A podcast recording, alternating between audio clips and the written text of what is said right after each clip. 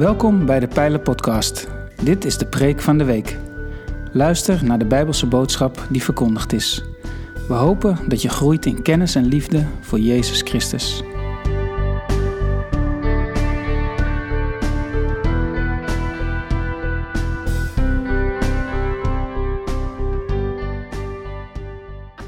Goedemorgen.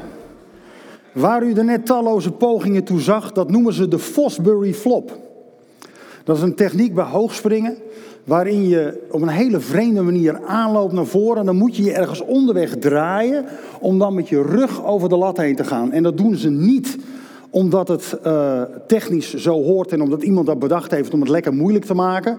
Zoals bij de hinkstap sprong, zeg maar. Dat is echt zo'n ding. Onderweg raak je hoofd in de knoop en ergens denk je waar waren mijn voeten en dan hap je zand. Maar hier is het echt een techniek die het beste werkt. En de Fosbury Flop werd uitgevonden door meneer. Nee, Clinton Larson. Um, Clinton Larson deed het al in 1912. Toen was hij de eerste die een sprong maakte ruggelings over de lat heen. En hij kwam hoger dan iedereen anders. Maar de Atletiekunie verbood toen deze techniek. Ze hadden toen namelijk nog geen kussens.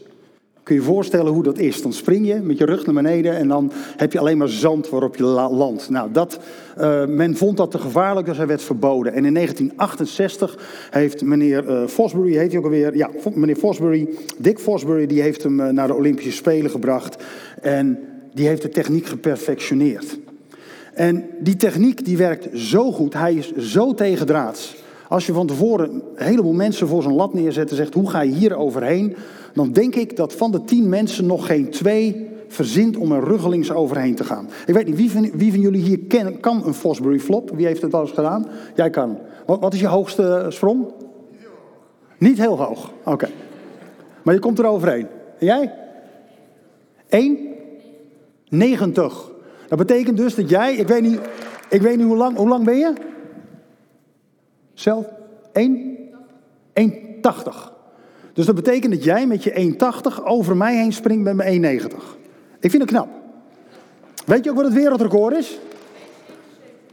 Nee, hij is iets verder. 2,45 meter. 45. 2,45 meter. Voor degenen die inschattingsvermogen hebben, hier, dit is 2,45 meter. En het werd gesprongen door, even op mijn uh, Sotomayor, een Cubaan. En Sotomayor was 1,93 meter, iets langer dan ik ben. En die sprong over 2,45 meter. En dat record, dat wereldrecord, staat al 21 jaar. Degene die er dichtst in de buurt kwam om het eroverheen te springen, was meneer Bondarenko uit Oekraïne, die we net als laatste, zeg maar, zijn sprong zagen afbreken onderweg. Die, uh, die kwam er dichtst bij in de buurt. En die was in 2014, redde hij het bijna om te springen over de 2,46 meter. Maar ja, hij kwam toen net niet overheen en nam met zijn kont net een stukje van de lat mee. En dat heeft hij dus niet gered. En het gekke met het hoogspringen is dat mensen die hier heel goed in zijn, zoals zo'n zo Bondarenko bijvoorbeeld, die zijn niet goed in andere dingen. Je zou kunnen denken van joh, het is iets met rennen en springen, dan zal die ook wel goed zijn in horden lopen. Nou, echt niet hè. Als je meneer Bondarenko met zijn lange benen de horde laat lopen, dan is hij echt bij de derde horde. Dan zit er een horde in zijn neus, één onder zijn oksel en de ander die hangt op zijn rug. Ze komen er niet overheen. Dat is een hele andere techniek. Dus soms als je heel goed bent in één onderdeel, dan zijn er andere onderdelen die een uitdaging voor ons vormen. En als dat dan zo mislukt, als we dan zo'n reeks van die fails achter elkaar zitten, want ja, duik even op internet en je krijgt een lijst van die lui die allemaal op de meest bizarre manieren die sprong missen. En je zou mij er zo tussen kunnen zetten, hè? ik kan hem niet. Um, maar daar vinden we eigenlijk wat van. Die mensen die over die lat heen springen, de mensen die het wel redden, zo'n Sotomayor met zijn 2,45 meter, die, dat zijn de helden. Dat zijn degenen die het fixen. En alles wat er onderdoor schuift of met de hele stallage op de mat springt, dat vinden we eigenlijk een beetje de categorie net niet tot en met losers. Dat is een beetje, beetje de categorie die, die net onder de lat zit, zeg maar. Net niet tot absolute losers. En ik denk dat de meesten op een paar uitzonderingen hierna die Fosbury Flop nog niet eens zouden kunnen maken, al zouden we ervoor betaald krijgen. Want het is iets wat je moet aanleren. Het is iets bijzonders. Het is, het is gewoon een van die dingen waar sommige mensen heel goed in zijn en waar andere mensen net iets minder goed in zijn. Maar ja, die mensen die niet zo goed zijn in zo'n Fosbury flop, die zijn vaak heel goed weer in andere dingen. Ik bedoel, ik weet niet hoe meneer Bondarenko is in de keuken, maar het zou best kunnen dat hij nog geen ei normaal kan bakken. Dat zelfs het koken van een ei, dat hij dat kan verprutsen. Ik heb geen idee, hè? Maar dat zou zomaar kunnen. Als je in één iets heel goed bent, ben je het vaak niet op alle gebieden.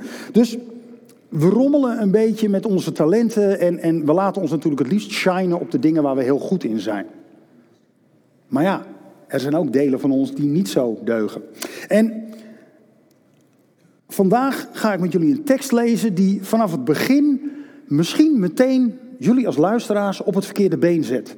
De lezers van deze tekst gaan 9 van de 10 keer door op een onderwerp wat niet ten diepste de kern is van wat Jezus wil leren. We worden afgeleid. En dat is omdat het al snel gaat over dingen waarvan we denken dat we het wel kunnen. En datgene wat we moeilijker vinden, dat zien we dan over het hoofd. Daar hebben we het niet over. Als je zelf niet kunt hoogspringen, dan is het niet logisch om vijf uur na een samenvatting hoogspringen te gaan zitten kijken. Ik wil gewoon gaan lezen en dan zien we vanzelf waar we komen. Marcus 10, vers 1 tot en met 9. Voor degenen die een Bijbel bij zich hebben, blader er gerust even heen. Hij vertrok daar vandaan naar Judea en het gebied aan de overkant van de Jordaan. En de mensen verzamelden zich weer in grote getalen om hem heen. Hij onderwees hen zoals hij gewoon was te doen. Er kwamen ook fariseeën op hem af. Ze vroegen hem of een man zijn vrouw mag verstoten.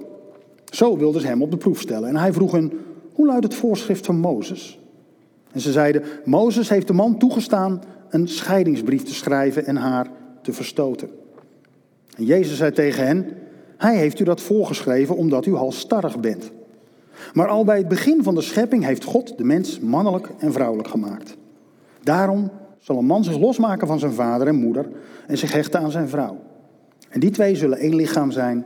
Ze zijn dus niet langer twee, maar één. Wat God heeft verbonden, mag een mens niet scheiden. Situatie, Jezus loopt rond. Even een kleine sanitaire stop. Misschien kuch ik af en toe tussendoor trouwens. Ik lag donderdag uh, nogal met koorts in bed te rillen. Dus uh, ik ben al blij genoeg dat ik hier kan staan. Maar af en toe zal ik misschien nog een klein beetje kuchen. Mijn excuses alvast. Die geluidseffecten zijn gratis, kosten van de zaak. Um, anyway, de fariseeën komen bij Jezus en stellen hem de vraag... mag ik mijn vrouw verstoten? En ik vraag me dan af, wil je eigenlijk wel een antwoord horen? En eigenlijk willen ze dat niet. Um, ze zijn niet op zoek naar kennis of waarheid, ze zijn op zoek naar de overtuiging van hun eigen gelijk.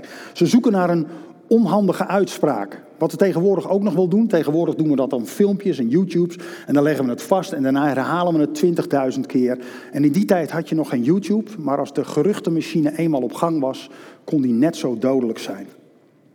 Dus ze zoeken naar een lastige uitspraak. En het onderwerp wat ze gebruiken om die bij Jezus te ontlokken, is een onderwerp waarin iedereen zich herkent. Het onderwerp relaties. Want iedereen kent het. Iedereen heeft relaties. Misschien niet allemaal een huwelijksrelatie, maar iedereen heeft relaties. En als het gaat om mensen, hoe mensen met elkaar om zouden moeten gaan of zouden kunnen gaan, ja, dan spitst iedereen zijn oren. Want aan de ene kant misschien hoor je iets wat jou kan helpen om het nog beter te doen dan je al deed. En aan de andere kant hoor je misschien wel iets waarvan hij daar, die vent, jou de schuld geeft en jou iets slechts op je mouw spelt. Het is een beetje het zoeken naar, ben ik nou wel of niet goed? En we herkennen het allemaal. We hebben allemaal relaties.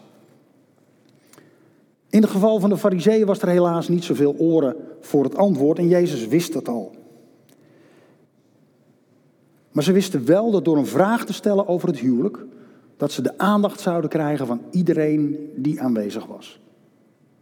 Dit zou er eentje zijn die zou worden opgetekend. Dit zou er een zijn als Jezus zich nu verspreekt, dan hebben we een wapen tegen hem.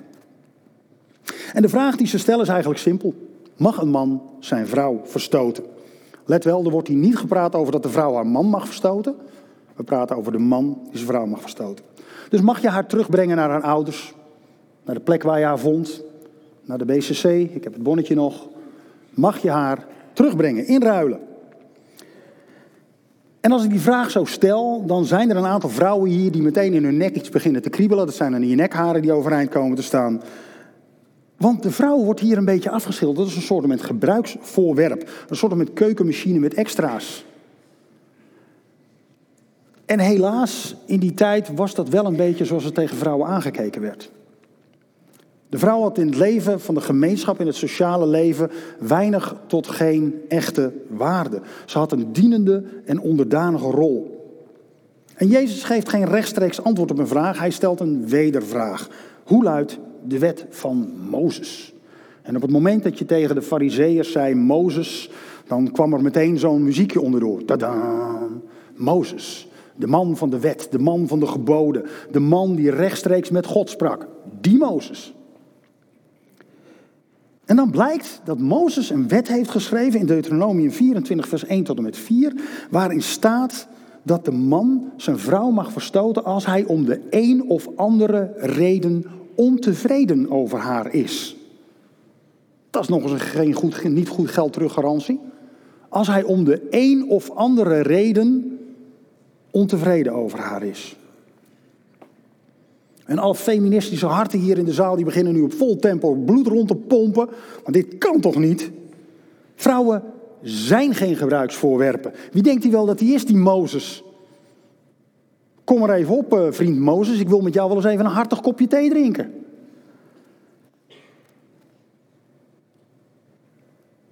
Maar toch gaat dit niet helemaal om Mozes en een beetje ook weer wel. Jezus vertelt namelijk in een heel klein tussenzinnetje dat Mozes die wet gaf omdat de mensen halsstarrig zijn. Halsstarrig, te eigenwijs, te zelfvoldaan, te veel bezig met jezelf en niet met de ander. En daarna legt Jezus uit waar de lat van God ligt. En Jezus haalt de instelling aan van het huwelijksverbond uit Genesis 2, vers 24. En daarin staat dat het niet de bedoeling is dat man en vrouw uit elkaar gaan. Gods ideaalplan. Daar. Daar ligt de lat van God. En dan wordt het stil. En dat werd het waarschijnlijk toen daar en ook hier. Want iedereen heeft eigenlijk meteen wel zoiets van, er spelen vragen in mijn hoofd. Ja, maar die en die, die zijn net gescheiden. En misschien ben je er zelf net doorheen. Of heel misschien zit je in een moeilijke periode in je relatie. En heb je heel misschien stiekem alles nagedacht over die optie, scheiden.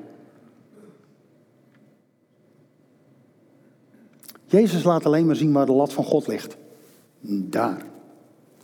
En wij merken bij onszelf dat we het vaak niet voor elkaar krijgen om daar overheen te springen. En dan voelen we ons falen. Dan voelen we ons alles behalve de held. We mislukken. Maar de kern van wat Jezus hier vertelt gaat niet zozeer over het falen. Het gaat niet over het mislukken. Sterker nog, Jezus oordeelt hier niemand. Hij stelt alleen de lat van God ligt hier. En wat doen wij mensen dan vaak? Wij nemen de lat van God en leggen die langs de mensen in onze omgeving. Jij komt er niet, jij komt er niet, jij komt er niet, jij komt er niet. Maar dat doet Jezus helemaal niet. We denken dat hij dat doet omdat wij zo in elkaar zitten. Maar die Fosbury flop is niet voor niet zo onlogisch. Jezus doet iets onlogisch. Hij benoemt het wel, hier ligt de lat. Maar hij zegt verder niks. Hij oordeelt niks. En tuurlijk is hij duidelijk, God wil graag dat mensen die bij elkaar gebracht zijn in een huwelijk en überhaupt in iedere relatie, dat die bij elkaar blijven. En dat willen die mensen zelf ook. Wanneer echtparen in een echtscheiding terechtkomen, dan weten ze zelf als eerste dat dit niet is waar ze op hadden gehoopt. Dit is niet waarvan ze hadden gedroomd. Ik heb nog nooit een echtpaar gesproken dat onderweg was naar een scheiding of net gescheiden was, dat zichzelf niet ten diepste als de verliezer zag.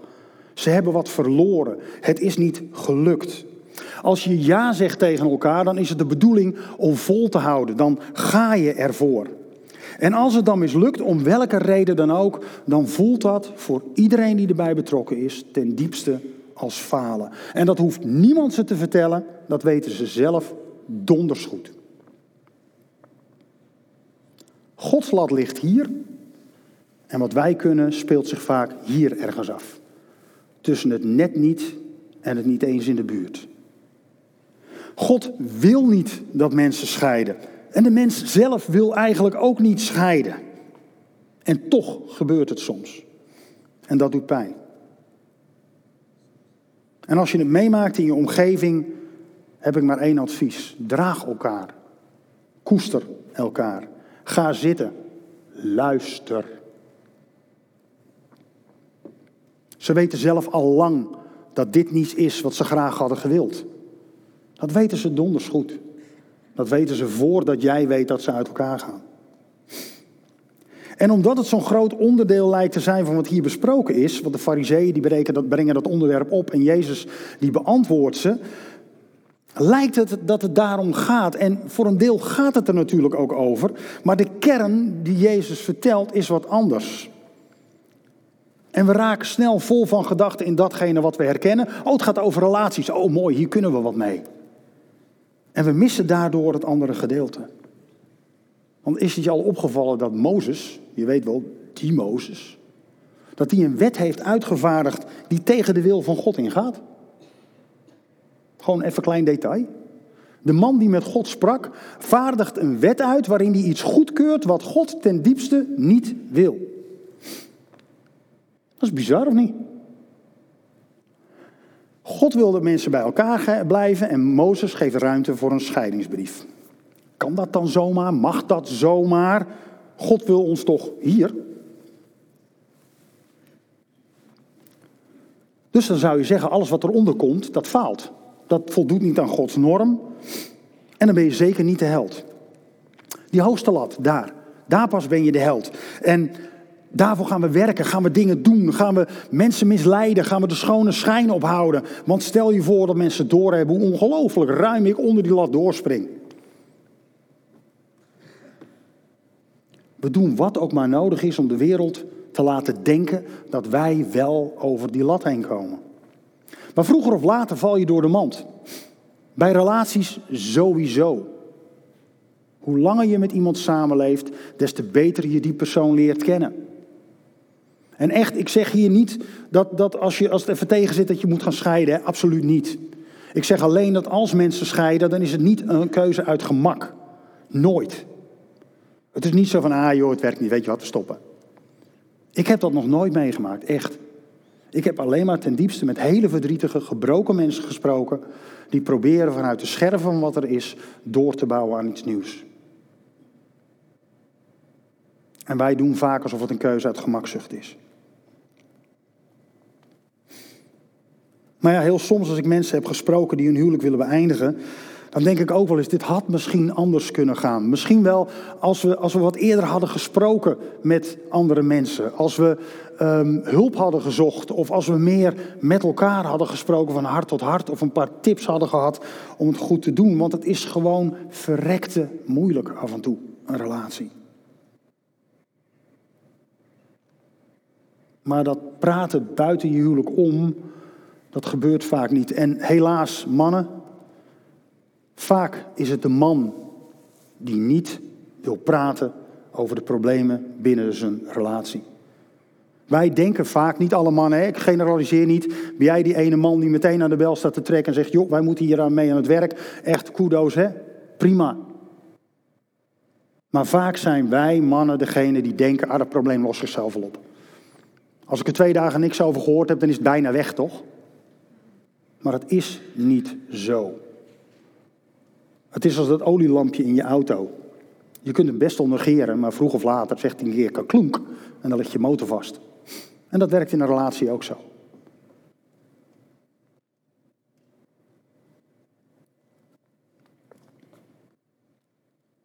We proberen allemaal te doen alsof we die lat wel halen. Alsof wij degene zijn die er altijd overheen komen. Alsof wij de helden zijn.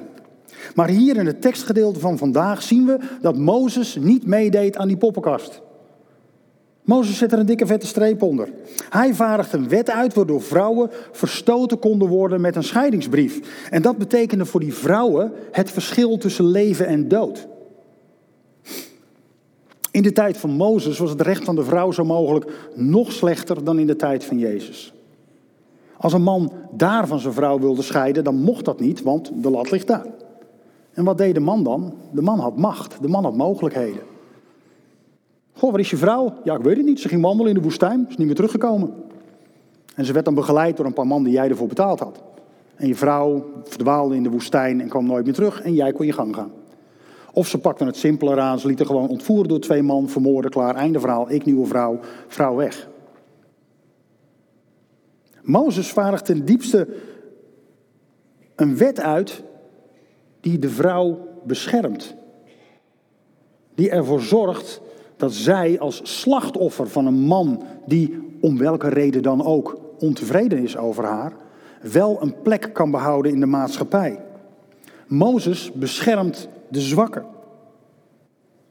Hij geeft een beetje zicht op de ruimte onder die lat. Tussen het net niet en het absoluut niet. En hij geeft daar een venster. Niet dat we dan ineens wel over die lat komen, maar hey, we halen het niet. En er moet wel wat gebeuren.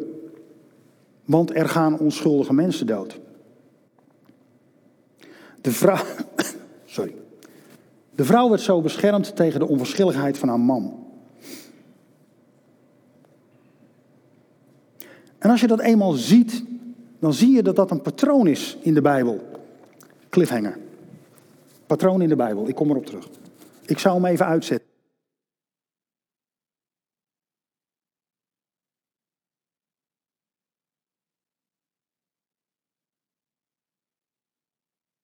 Dat ligt op. Een patroon in de Bijbel. In het paradijs in Genesis, dat weten we allemaal, daar begint de ellende. Dat zijn de eerste mensen die niet over die lat heen komen. Die gaan op een gegeven moment iets doen met een, met een vrucht en zo, en dat is allemaal lastig. En dan komen ze erachter dat ze naakt zijn. En dan kleden ze zichzelf met vijgenbladen. En wat doet God dan? Nog voordat er welke melding dan ook is van dood in de Bijbel, kleedt God Adam en Eva met dierenhuiden. En die heeft hij niet bij de Xenos gekocht, kan ik je vertellen. Dus God doorbreekt zijn eigen plan. Geen dood, paradijs. Allemaal happy clappy bij elkaar. Hij doorbreekt zijn plan om de zwakken op dat moment, Adam en Eva, ook al was het een eigen keuze, om hen te helpen. Om hen niet te laten bungelen. Hij neemt het op voor de zwakken, ook al is het soms een eigen schuld. In het verhaal van God is juist, zijn juist de mensen die erkennen dat ze het niet zelf kunnen, dat ze de lat gemist hebben, zijn degenen die hij bombardeert tot held. Niet de wannabes die graag een mooi plaatje hoog willen houden en die lopen rond te stellen en moeilijke vragen aan Jezus gaan lopen stellen, bijvoorbeeld in dit verhaal. Maar de mensen die echt durven zijn, die de plank wel eens misslaan en die daar geen verstoppertje over spelen. Degenen die kunnen inzien dat ze God echt nodig hebben. Dat je het op jezelf niet redt. En je ziet het verderop in de Bijbel, als God het opneemt voor Sarah. In Genesis 12, ik weet niet of je het verhaal kent. Abraham gaat met Sarah naar Egypte en Sarah schijnt een ongelooflijke mooie vrouw te zijn. En Abraham denkt, ach jee, straks willen ze die vrouw willen ze bij mij hebben. Ja, en ik ben haar man, dus dan moeten ze mij eerst doodmaken, anders mogen ze haar niet meenemen. Dus dan zegt hij tegen Sarah, ja, doe jij maar alsof je mijn zus bent. Nou, de farao die hoort van die mooie vrouw en uh, die, Sarah wordt naar de farao gebracht en ineens is Abraham zijn vrouw kwijt. En hij kan er niks tegen doen, want ja, hij is tenslotte maar haar broer. Sarah zit ineens in een Egyptische uh, concubine-cabine met, uh, van de farao. En die is helemaal machteloos. En wat doet God? God treft de farao met plagen. En de farao denkt, wat heb ik op mijn fiets hangen? Dus die laat snel Abraham terughalen. Uiteindelijk komt Sarah terug bij Abraham. Waarom? Omdat God het niet toestaat dat de zwakken niet gezien worden. God is er. God kijkt naar hen om. Je ziet het ook bij het verhaal van Gideon. Gideon, helemaal niet zo'n dappere held als dat de engel in het begin van het verhaal hem doet vermoeden. En als hij zich een beetje een vent begint te voelen, als hij een leger heeft van zo'n 32.000 man, wat doet God dan? God brengt het leger terug tot 300 man. Blijf maar klein, blijf maar kwetsbaar. En in het Nieuwe Testament zien we het ook. Jezus kiest zijn volgelingen uit de zwakken. Kiest zijn volgelingen uit de mensen aan de rand van de maatschappij. En als hij in Johannes 8 geconfronteerd wordt met een vrouw die overspel heeft gepleegd, dan neemt hij het voor haar op. Want iedereen ziet dat die vrouw niet over de lat is gekomen. En het enige wat Jezus doet is duidelijk maken aan de omstanders, jongens, maar dat fixen jullie allemaal niet. Misschien op het gebied van geen overspel plegen wel, maar er zijn voldoende andere plekken waar je het niet fixt. Doe normaal.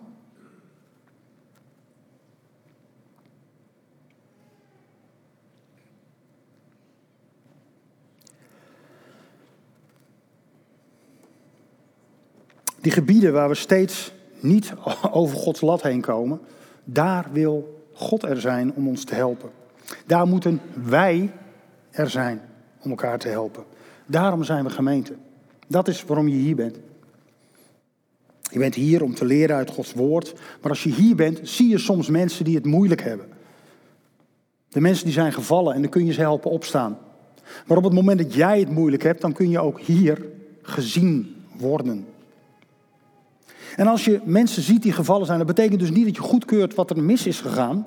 Maar dan gaat het helemaal niet over. Dat is onze taak helemaal niet.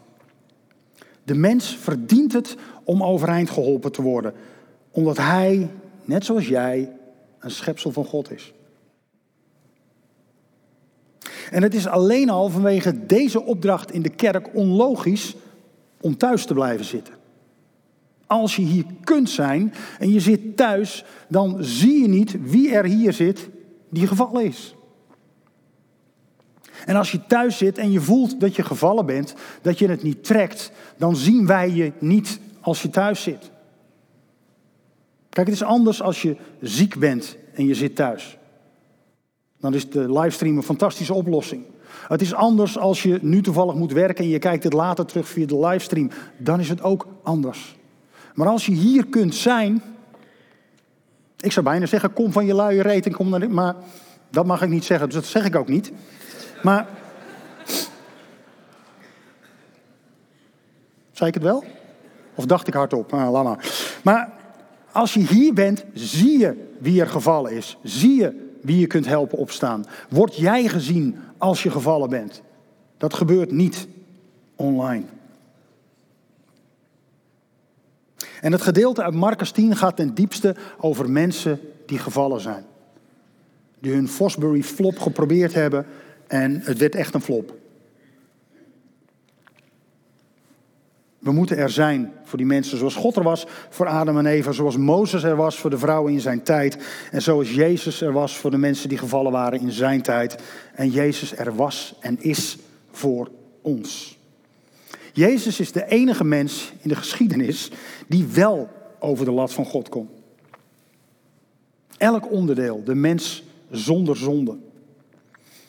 En toch leed hij alsof hij de zwaarste zonde had begaan. Hij onderging de straf van de ander.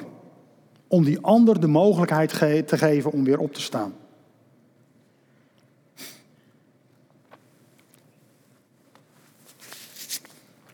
Ik weet niet of het je ooit is opgevallen, maar de discipelen waren nogal open over hun blunders. Gewoon, ik weet niet of je wel eens is opgevallen. Ik bedoel, als ik Petrus was en ik had zo vlak voor de kruisiging van Jezus, had ik hem drie keer verraden. Dan zou ik toch achteraf dat stukje schrijfwerk erover een beetje geredigeerd hebben. Gewoon van ja, maar het was niet echt dat ik ontkende. Nee joh, ik, ik, ik heb geen actieve herinnering meer aan dat moment, zeg maar. Zou ik dan schrijven. Dat zouden we toch doen, onze eigen fout een beetje afvlakken en zo. Of zo'n Thomas, die, eh, die eerst even denkt bij zichzelf van... ja joh, hey gast, uh, hij opgestaan, ik moet het eerst nog maar eens even zien. Ja, nee, nee, ik geloofde het wel. Ja, ik moest alleen, ik moest even verifiëren, hè, feiten. Je moet gewoon met feitelijkheden werken. Ik zocht naar empirisch bewijs. We zouden het afzwakken in de postproductie. Gewoon achteraf even redigeren, zodat we zelf beter uit de verf zouden komen. De discipelen doen het allemaal niet, hè? Het feit dat ze die demon die door gebed alleen uitgedreven kon worden, dat ze dat niet noteren, doen ze niet. Ze zijn heel open over hun eigen blunders. Zelfs in het evangelie van Marcus, dat gaan we verderop pas lezen, gaat Petrus gewoon drie keer Jezus logen. Hij gaat gewoon drie keer verraden. Terwijl Petrus toch een beetje, zeg maar, via Marcus de auteur is van dit geheel. Hij schrijft gewoon daar, joh, daar was ik niet net niet, daar was ik hier en misschien wel daar. En dat schrijft hij gewoon. En waarom doen ze dat?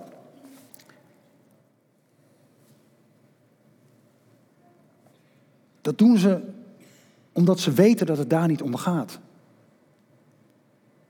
Ze doen het omdat ze hebben geleerd dat al die uiterlijke dingen niet meer van invloed waren en niet meer zijn. Ze wisten dat hun rechtvaardiging, hun genade niet afhing van hun daden en wat ze fout deden.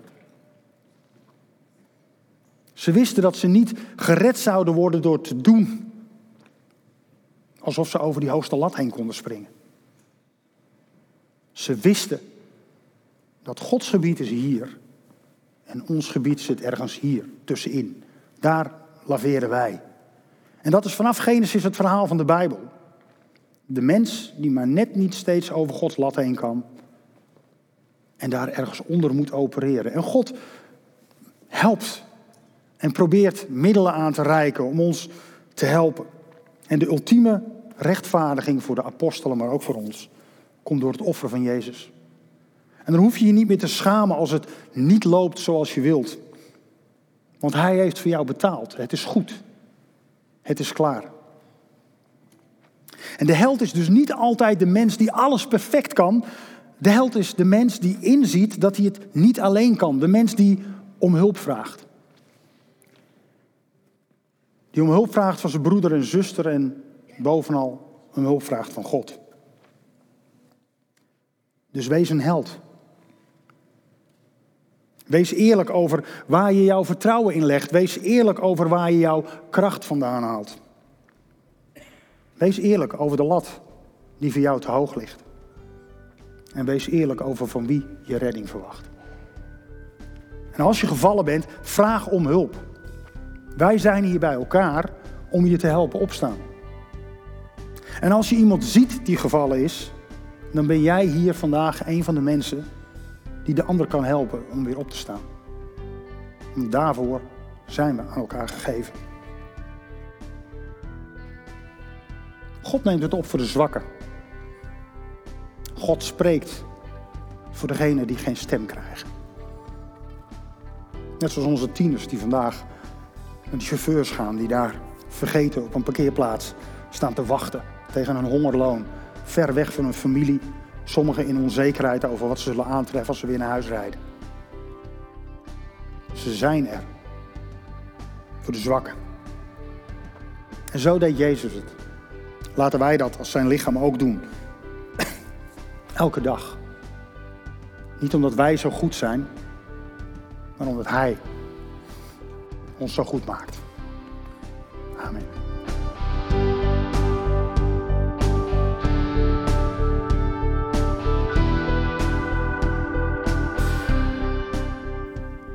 Bedankt voor het luisteren naar deze aflevering van de Pijlen Podcast, Preek van de Week. Heb je vragen naar aanleiding van deze preek? Stel ze.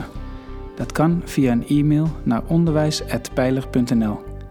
We helpen je graag verder in je groei als leerling van Jezus Christus. Abonneer je op deze podcast, zodat je altijd op de hoogte blijft van het onderwijs uit de Pijler. Goede week gewenst, ga in vrede, want God is nabij.